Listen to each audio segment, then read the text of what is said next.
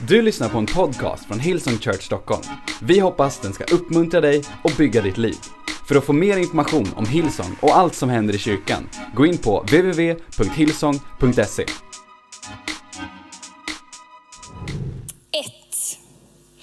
Idag ska jag predika om 1. Jag vet inte vad du tänker när du hör 1, när du ser ordet 1. Kanske tänker du på, kanske sitter du i föräldraloungen och tänker, yay, äntligen blir mitt barn ett. Då kan jag börja skola in barnet på kids och jag kan äntligen sitta här inne. Eller så tänker du på, jag vet inte vad du tänker på. Ett. Vi ska bli ett. Äntligen ska vi gifta oss snart. Eller så tänker du på första någonting. Första, första skoldagen. Är det någon som kommer ihåg sin första skoldag? Ja, det är länge sedan för en del av oss. Första, eller kommer kanske barnets första steg. Det är intressant, vi bryr oss inte så mycket om 37 steget. Men just första är något väldigt speciellt. Kanske första kärleken. Det blev väldigt tyst. Första kyssen. Ja. Första dagen på jobbet. Det är något speciellt med det första, eller hur? Det liksom sätter sig i minnet och vi minns. Och sanningen är att ett, ser ni en etta här? Ja. Ett är ju grunden till allt. Sen så kommer två, tre, fyra, fem, sex, sju, åtta, nio, tio. Men utan ett så kunde vi inte ens börja. Och idag ska jag predika om ett. Och vi är så otroligt stolta i början, som sagt, om vårt barn kan räcka upp fingret och säga, hur gammal är du? Mitt barn kan minsann räkna. Eller hur? Och vi är otroligt stolta första gången vi gör någonting. Men sen efter ett tag så brukar vi ofta fortsätta på två, tre, och fyra, och fem och sex. Och så glömmer vi bort hur otroligt viktigt ett är. Och det som jag skulle vilja tala om i våra liv när det gäller vi som är troende är att nummer ett för oss, det är våran Gud. Och, och, det är så lätt att man liksom går vidare i livet, som sagt. Man, man lär känna Jesus och man, man är så tacksam för honom. Och så går man vidare. Man lär sig att bete sig hur man ska göra som kristen person. Man lär sig nummer två, nummer tre, man lär sig hur man ska göra, bla bla bla. Och så glömmer vi bort var vi kommer ifrån och vi glömmer bort vad som är grunden för precis, precis allt. Och det är Gud själv. Så jag tänkte bara tala fyra saker, fyra citat. Det tredje är från mig själv. Men det finns med i Bibeln. Ja, finns det inte så är det bara uppfinnare, eller hur? Eller hur sitter Ja, jag känner att ni är där. Men det första som står i Bibeln om ett och om det här, det är ett är nödvändigt. Och i Lukas kapitel 10, vers 38, så kan jag läsa, ska du få höra en berättelse. Medan de var på väg kom Jesus in i en by och en kvinna som hette Marta tog emot honom i sitt hem. Honom det var Jesus. Hon hade en syster Maria som satte sig vid Herrens fötter och lyssnade till hans ord.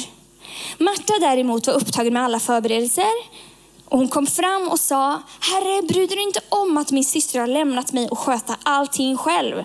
Säg nu till henne att hon hjälper mig. Herren svarade henne, Marta, Marta, du bekymrar dig och oroar dig för så mycket. Men bara ett är nödvändigt. Maria har valt den goda delen och den ska inte tas ifrån henne. Så här har vi två systrar. Liknande liv. De bodde förmodligen tillsammans. Men två väldigt olika val. Vi har Maria som väljer att sätta sig vid Jesu fötter hon, det är liksom som att hon sitter och hon hänger, väntar på nästa ord som ska komma från honom. Jag vill bara säga så här, hon gick inte och la sig på soffan och snarkade. För det här bibelstället det kan användas som, ah, jag ska inte kämpa, jag ska inte oroa mig, jag ska sätta mig här i Guds närvaro och så ska jag ta det lugnt. Nej, hon låg inte där och snarkade, din latmask. Hon, det hon gjorde var att hon satt vid Jesu fötter och lyssnade efter hans ord. Och hon brydde sig inte om vad andra människor tyckte på den här tiden och nu för tiden också så förväntas vi att göra massa saker. Vi förväntas att vara lyckade, vi förväntas att, att ta hand om människor, vi förväntas jättemycket. Men Maria gick precis, hon gick emot precis allt vad människor sa att hon skulle göra. Hon satte sig vid Jesus och lyssnade på honom. Och det fanns många, hon var, hon var egentligen diskvalificerad på den här tiden. Som kvinna, bara att hon var kvinna, att sitta vid Jesu fötter. Och jag vet inte om du diskvalificerar dig själv.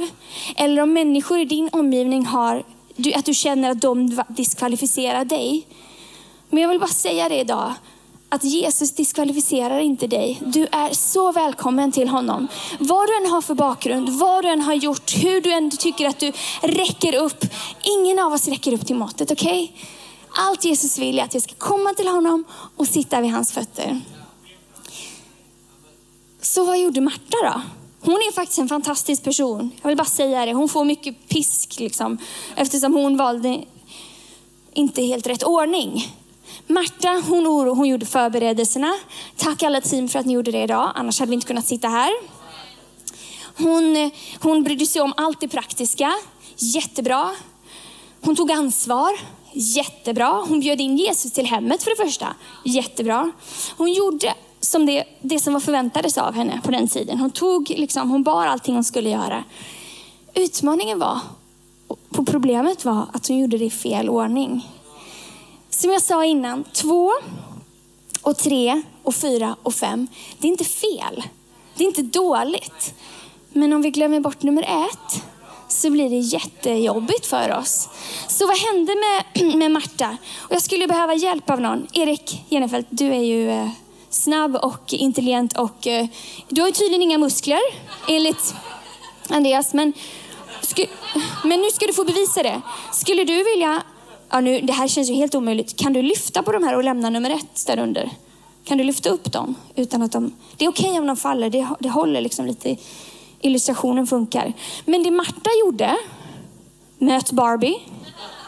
Hon har på sig söndagskläderna idag.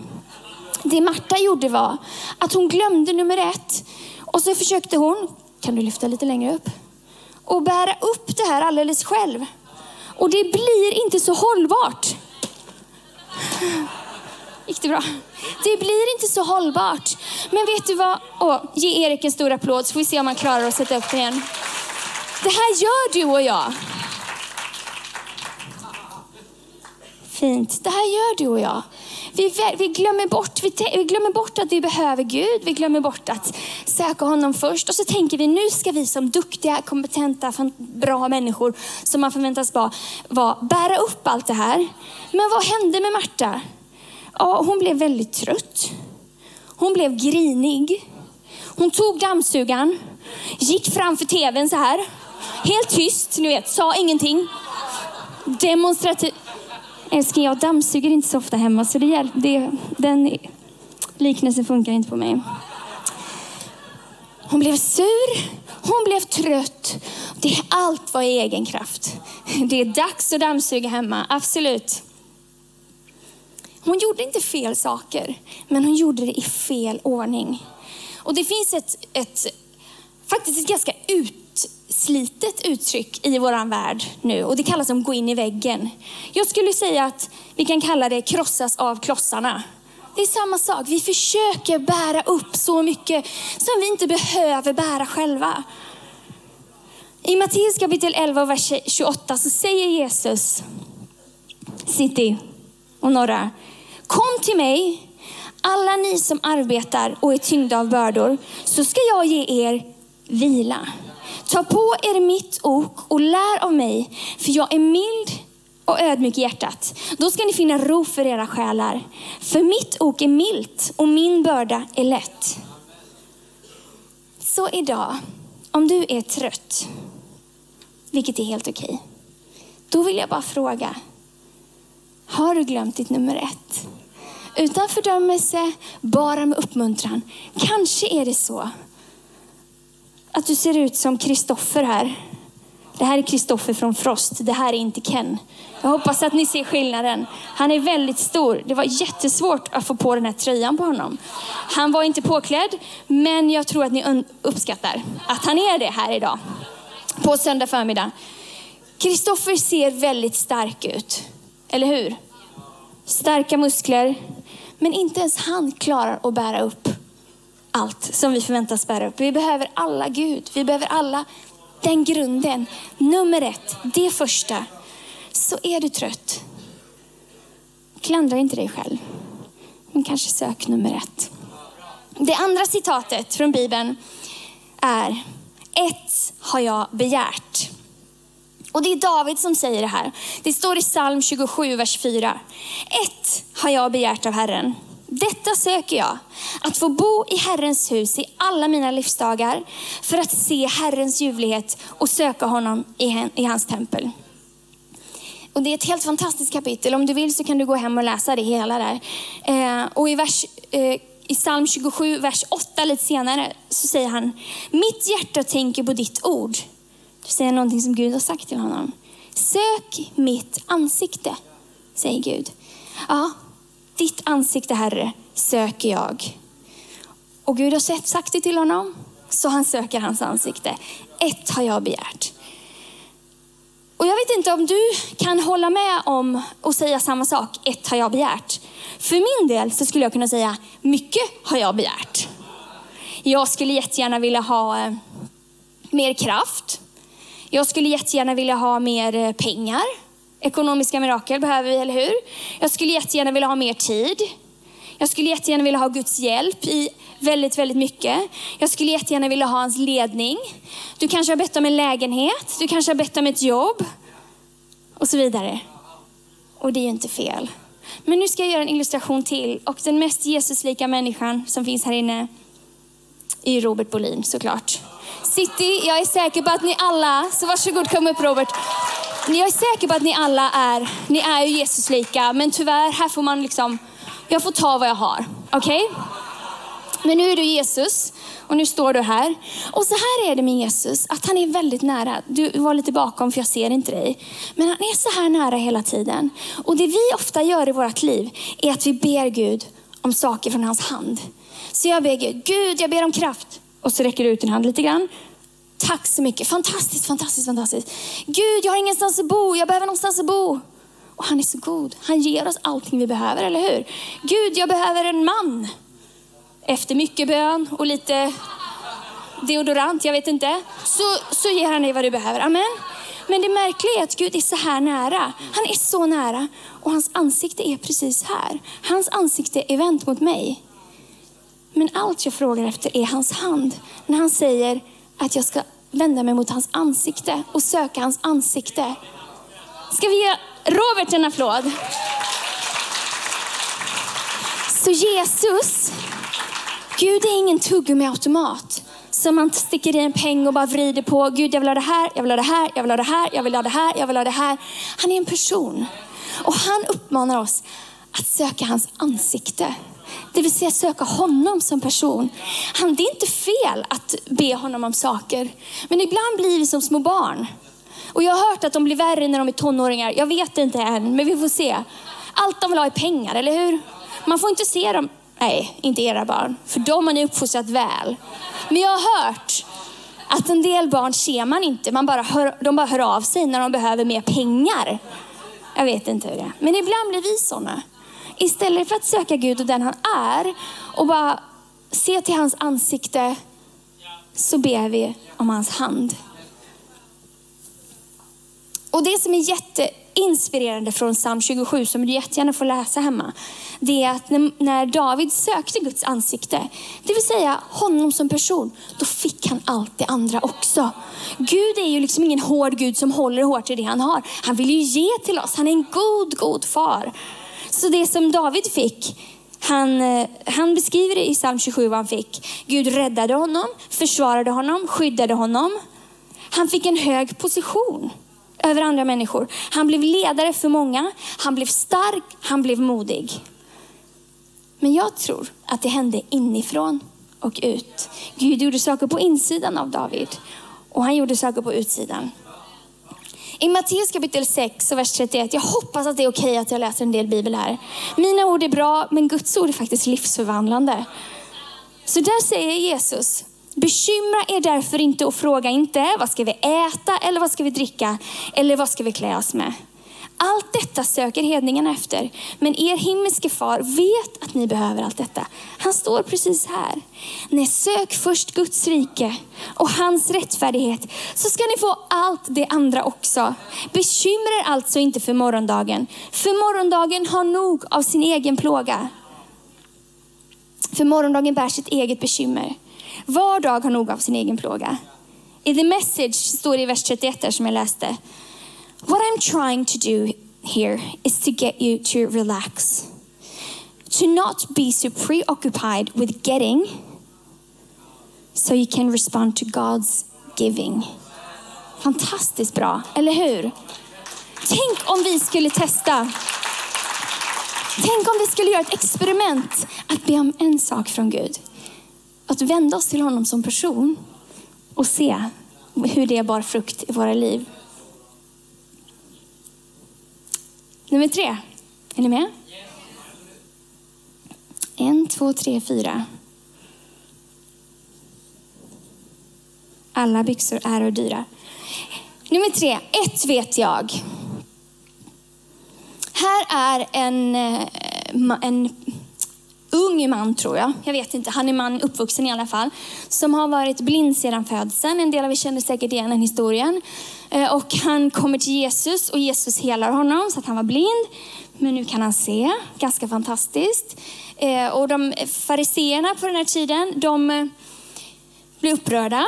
För det hände på en sabbat när man inte ska göra någonting och inte heller gott tydligen. Så de kommer till den här mannen och frågar, vem är det som har, vad säger du? Vem är det som har gjort det här, för, liksom, gjort det här med dig? Då säger den här mannen så här, Johannes 9 kapitel, äh, kapitel 9, vers 25. Han svarade, om han är en syndare vet jag inte. För fariséerna sa att Jesus var en syndare som gjorde det här.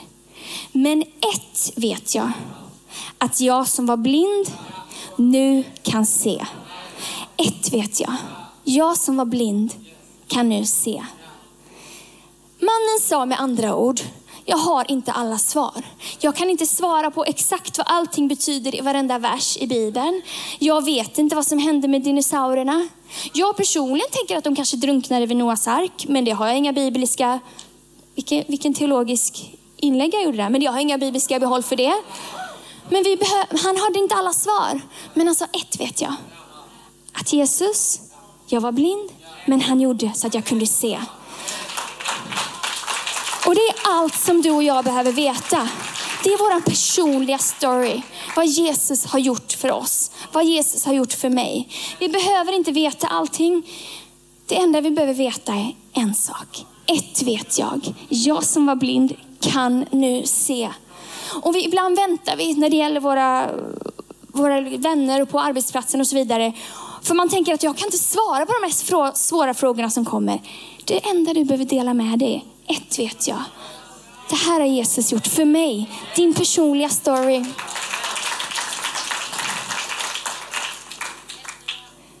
Och har du aldrig någonsin haft en personlig story med Jesus så kommer du få möjlighet att påbörja det om en liten stund. Men problemet med oss, jag talar till mig själv här, är att vi ofta glömmer. Vi är som elefanter. Jag har hört att de har dåligt minne i alla fall.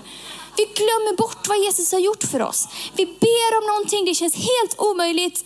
Sen får vi det och sen glömmer vi bort det. Nästa gång vi har en ekonomisk utmaning, då undrar vi igen. Gud, ska du lösa det här? Hur går det här? När han har visat sig trofast gång efter gång efter gång efter gång. Så låt oss komma ihåg Låt oss påminna oss själva om vad Jesus har gjort för oss. I psalm 103 så påminner psalmisten sig själv. Vers 2. Lova Herren min själ och glöm inte allt gott han gör. Han förlåter dig alla dina synder och botar alla dina sjukdomar. Han friköper ditt liv från graven och kröner dig med nåd och barmhärtighet. Han mättar ditt begär med sitt goda så att du blir ung på nytt som en örn. Herren handlar rättfärdigt och skipar rätt för alla förtryckta. Han visade Mose sina vägar, Israels barn sina vägar. Barmhärtig och nådig är Herren, sen till vrede och stor i nåd. Så kanske att jag bara behöver påminna dig idag. Har du glömt vad Gud har gjort för dig? Har du glömt? Kom ihåg. I Lukas kapitel 7, vers 47 så finns ännu en berättelse. Jag ska bara berätta den lite snabbt. Men det är en kvinna som kommer till Jesus när han ligger till bords i ett hus. De låg till bords på den tiden. Så kommer hon dit, han de äter mat och så kommer hon dit så ställer hon sig bakom honom och så gråter hon och så bryter hon en, eh, en flaska som hon hade med välduktande olja. Otroligt dyrbart, otroligt fint. Och så smörjer hon Jesu fötter med det här. Hon var väldigt, väldigt tacksam den här kvinnan. För att Jesus hade befriat henne från väldigt, väldigt mycket. Och de blev lite upprörda i det här huset, för på den här tiden så för det första skulle kvinnor inte göra sånt där, de var inte ens välkomna där. Men sen så bara använder hon det där dyrbara till Jesus. Det kunde de ju använt och ge till de fattiga. Då kan vi ta upp det bibelordet från Lukas 7, vers 47. Så säger Jesus till han som finns där. Därför säger jag dig, hon har fått förlåtelse för sina många synder. Det är därför hon visar så stor kärlek. Men den som har fått lite förlåtet älskar lite. Och vet du, du och jag, vi har fått väldigt mycket förlåtet. Och tycker vi att vi inte har fått mycket förlåtet, då är det, inte, då är det vi som saknar uppenbarelse om det. Så låt oss påminna oss själva om att vi har fått så mycket förlåtet och älskar mycket. Amen. Så jag vet inte vad din story är. Vad är din story? Vad har du som du kan säga om? Jag vet inte allt, men ett vet jag. Ett vet jag. Jag var blind, men nu kan jag se. Ett vet jag. Jag var förvirrad och jag fick, jag fick vägledning. Ett vet jag. Ensam, jag var ensam, men jag fick tröst. Och för att du, återigen, ska påminna dig själv, så skulle jag vilja utmana dig om en sak just nu. Om du någon gång har varit sjuk och bett och att du har blivit frisk, varsågod och ställ dig upp. Här i norra och i city. Du ska alldeles strax få sätta dig ner, jag kommer inte intervjua dig. Om du som jag någon gång har stått, stått framför ett helt omöjligt ekonomisk situation, bett till Gud, ropat på honom och du har sett ett mirakel. Varsågod och stå upp. Och alla andra kan också stå kvar. Ja, jag ser att ni står uppe i city. Om du har kämpat med barnlöshet, men har fått ett barn, varsågod och stå upp. Om du har tappat hoppet helt någon gång, men har upplevt att Jesus har gett dig hoppet tillbaka, varsågod och stå upp. Om du i någon situation, oj förlåt, jag hinner, varsågod och stå upp, jag stannar inte upp. Om du någon gång har känt att du har absolut ingen aning om hur du ska göra i en situation, men du har fått ett ord från Gud och fått vägledning, varsågod och stå upp. Om du vid något tillfälle har tackat ja till Jesus och han har räddat dig och frälst dig, varsågod och stå upp. Okej, okay, se er omkring. Men framför allt, påminn dig själv om vad Jesus har gjort i ditt liv. Här är ett fantastiskt testimonium om Guds trofasthet, om hans hand i våra liv. Amen. Varsågod och sitt. Och medan vi sätter oss ner så kan lovsångarna komma upp.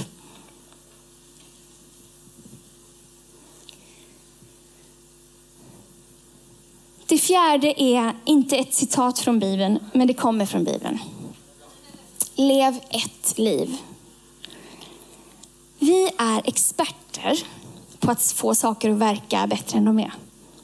Och sociala medier hjälper oss inte med det. Men jag har, vuxit, jag har fått nåden att växa upp eh, och känna Jesus sen jag tog emot honom i, i mitt liv, i mitt hjärta när jag var fem år. Jag minns den dagen väldigt tydligt. Så jag har liksom fått växa upp i Guds hus hela mitt liv. Men jag minns hur det var när vi åkte till kyrkan. Och jag ber om ursäkt mamma och pappa om ni skulle lyssna på podcasten. Det här om vi lägger ut det här. Men så här var det. Det var bråk. Det var kaos. Vi hade, och jag har själv inte fyra barn. Vi stannade vid två. Vi tyckte att det räckte. Men vi var fyra barn, mamma och pappa. Alla skulle in i bilen. Vi hade en minibuss såklart, för det var så man fick plats. Eh, alla skulle ta på de finaste kläderna. Alla skulle vara, ha okay, se okej okay ut. För vi skulle till söndagen, det var ju kyrka. Det var kaos. Alla var sena, någon var förtvivlad och hade dålig hårdag. Någon här fick ett utbrott. Så skulle alla in. Någon var bara trött. Någon vägrade det, någon vägrade det. Och det var bråk, ni vet. Bråk och alla var sura i hela bilen. Sen kom vi fram till kyrkan. Vi kommer in och som alla barnfamiljer gjorde då är den här traditionella, traditionella pingstkyrkan som jag eh, växte upp i. så var det segertoner i början, det vill säga lite äldre sånger, men ungefär som en lovsång. Och alla barnfamiljer kom under lovsången. Kanske lite likadant här. Jag tänker så här, man kan ju planera tio minuter tidigare, men vi är glada att ni är här. Och då var det någonting som hände. Då var vi som ljus. Då gick vi på, på rad. Vi var familjen från trapp. Vi sa hej, hej, Gud välsigne dig. Allt är bra. Och kanske gör du också så. Kanske har du vaknat idag och de glömde att gratta dig på mors dag. Och det fick din man höra, eller hur? Kanske var det kaos, kanske var det disharmoni. Kanske, det här har vi varit med om många gånger, så hade du lagt ut den perfekta outfiten för ditt barn för att visa upp alla andra föräldrar om att du har så fantastiskt bra smak. Men ditt barn vägrade att ta på sig den där fantastiskt matchade, koordinerade och valde ett Disney-motiv och sen så någonting som inte matchade. Och nu är du rädd att alla ska tänka, vad har hon för föräldrar? Ja. Men när du kommer hit så frågar de, hur är det? Halleluja. Hur är det med dig? Ja, Gud är god. Han, han har gjort mig rättfärdig. Och så vidare. Det är så bra på att visa upp en fantastiskt fin utsida, eller hur? Eller när du ska bjuda hem någon. Det här är klassiskt, vi vet alla att det är så här. Aldrig är det så fint hemma hos oss som när vi ska bjuda hem någon. Det kan vara lite kaos innan. Snabbt, snabbt, snabbt, snabbt försöker vi dammsuga. Det finns ett rum som ingen får se. Där låser vi och stänger dörren. Där slänger vi in alla grejer. Eller hur? Det finns en låda i köket eller ett skåp där vi också slänger in allt skräp. Är det någon mer som har en sån låda? Bekännelsestund är här. Yes, jag ser er i city. Erik, jag vet att du älskar de där lådorna. Så jag ska berätta om när Christine Kane, eh, många av er vet vem Christine Kane är. Hon, vi har känt henne i många, många år innan vi ens var gifta, jag och Andreas.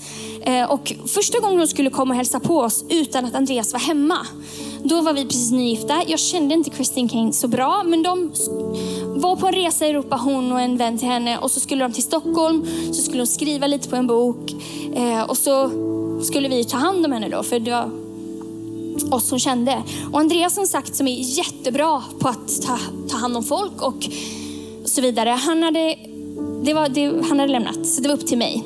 Så, och vi hade precis flyttat in i en lägenhet och vi hade, eh, vi hade en säng, en dubbelsäng. Vi hade ingen soffa, vi hade in, nästan inga möbler för vi var väldigt nygifta. Och eh, då hämtar jag Christine och sitter med henne i bilen. I bilen. Jag ska inte... Jag höll på att köra över en person för övrigt. För jag var så nervös. Det är sant, det minns hon fortfarande. Ehm, då hade vi ordnat så att hon skulle bo hemma hos några vänner. Eh, för att vi hade ju inte rum, vi hade ju inte någonting vi kan visa upp. Då sitter hon där i Bibeln och säger nej, jag vägrar bo hos de andra familjen. Vi kommer bo hos dig. Och har du känt Christine Kane eller hört henne predika, det går inte att säga nej. Så jag sitter där i bilen på väg från Arlanda till Sollentuna där vi bodde då och vet att vårt hus är ett kaos. Tvätten hänger där, Ja, det var fruktansvärt. Så hon kom hem, hon fick se allt det där. Och jag i panik så tog jag en sopskyffel som var liksom smuts på och bara ställde in i ett skåp. Och hon bara, du ska inte ta av smutset först. Nej, nej, nej, nej. Jag ville få in allt det dåliga i alla, i alla, i alla skåp. Men Jesus säger om det här, våran tendens att göra det här, i Lukas kapitel 12, vers 1. Under tiden hade människor samlats i tusental så att de höll på att trampa ner varandra. Då började Jesus tala först och främst till sina lärjungar. Akta er för fariséernas surdeg, hyckleriet. Det finns inget dolt som inte ska uppenbaras och inget glömt som inte ska bli känt. Därför ska allt som ni har sagt i mörkret höras i ljuset och det som ni viskat i örat i enrum ska ropas ut på taken. Det vill säga, det går inte att låtsas i evighet. Det, de tillkortakommandena som vi har på insidan, det går inte att låtsas. Det kommer märkas. Och om du och jag glömmer bort nummer ett och försöker bära allting själv, så kommer det märkas. Först och främst kommer vi märka det, för vi kommer bli helt utmattade. För andra så kommer vår familj märka det. För det tredje så kommer de som vi leder märka det. Det kommer märkas att det inte sker liksom att, det inte, att det sker i egen kraft och inte i Guds kraft. Och det hjälper inte att vi skärper oss. Det är inte det det handlar om. Det handlar inte om att vi ska spänna våra muskler ännu mer. Det handlar om att vi ska söka nummer ett och leva ett liv. Ett liv i det fördolda och ett liv i det öppna. Och det är därför man kan ibland i lovsången, inte här men på andra ställen, två personer kan sjunga samma sak. En person har en fantastisk röst, allt är, allt är bra. Sen en annan person som bara kanske sjunger vanligt, ni vet. Men du blir så berörd. Det beror på att den personen lever ett liv. Den har själv uppenbarelse om Stor är din trofasthet. Jag har varit här med, hos Jesus. Jag har sett honom personligen i mitt liv. Och jag kan säga, stor är din trofasthet.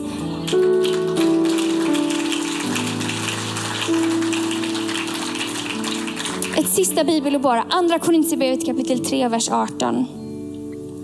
Och alla vi som med obeslöt ansikte ser Herrens härlighet som i en spegel, vi förvandlas till en och samma bild, från härlighet till härlighet.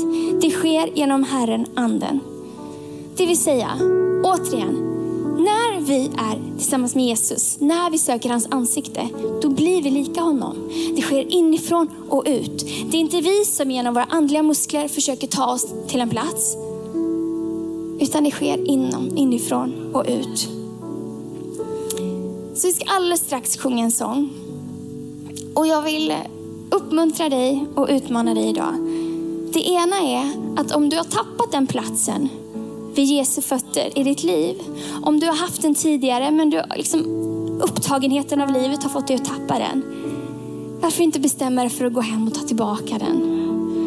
Och vi ska, kunna, vi ska få möjlighet att göra det nu, här. Att få söka Guds ansikte. Så varsågod och stå upp. Strunt i personen som står bredvid dig.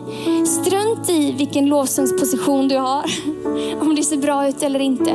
Strunt i de där problemen som du önskar att Gud kunde hjälpa dig med. Bara sök hans ansikte. Påminn dig själv om vad han har gjort för dig i det förgångna. Men sök just nu hans ansikte. Amen. Ett är nödvändigt. Ett kan vi begära. För du är ett för oss. Jag tackar dig Herre för den du är. Tack Gud för att du har frälst oss, för att du har räddat oss, för att du gett oss liv Herre. Jag tackar dig för att du gång på gång på gång på gång visar din trofasthet. Jag tackar dig för att jag kan säga och många med mig kan säga, ett vet jag, ett vet jag Herre. Att när du när du var i en situation Herre så vändes den från mörker till ljus. Jag tackar dig Gud för den du är. Jag tackar dig Gud för att vi får känna dig. I Jesu namn. Amen. Ty nog för mig, inget kan jämföras med dig. Herre, Du har lyssnat till en podcast från Hillsong Church Stockholm. Om du vill veta mer om vår kyrka eller om våra söndagsmöten, surfa in på www.hillsong.se.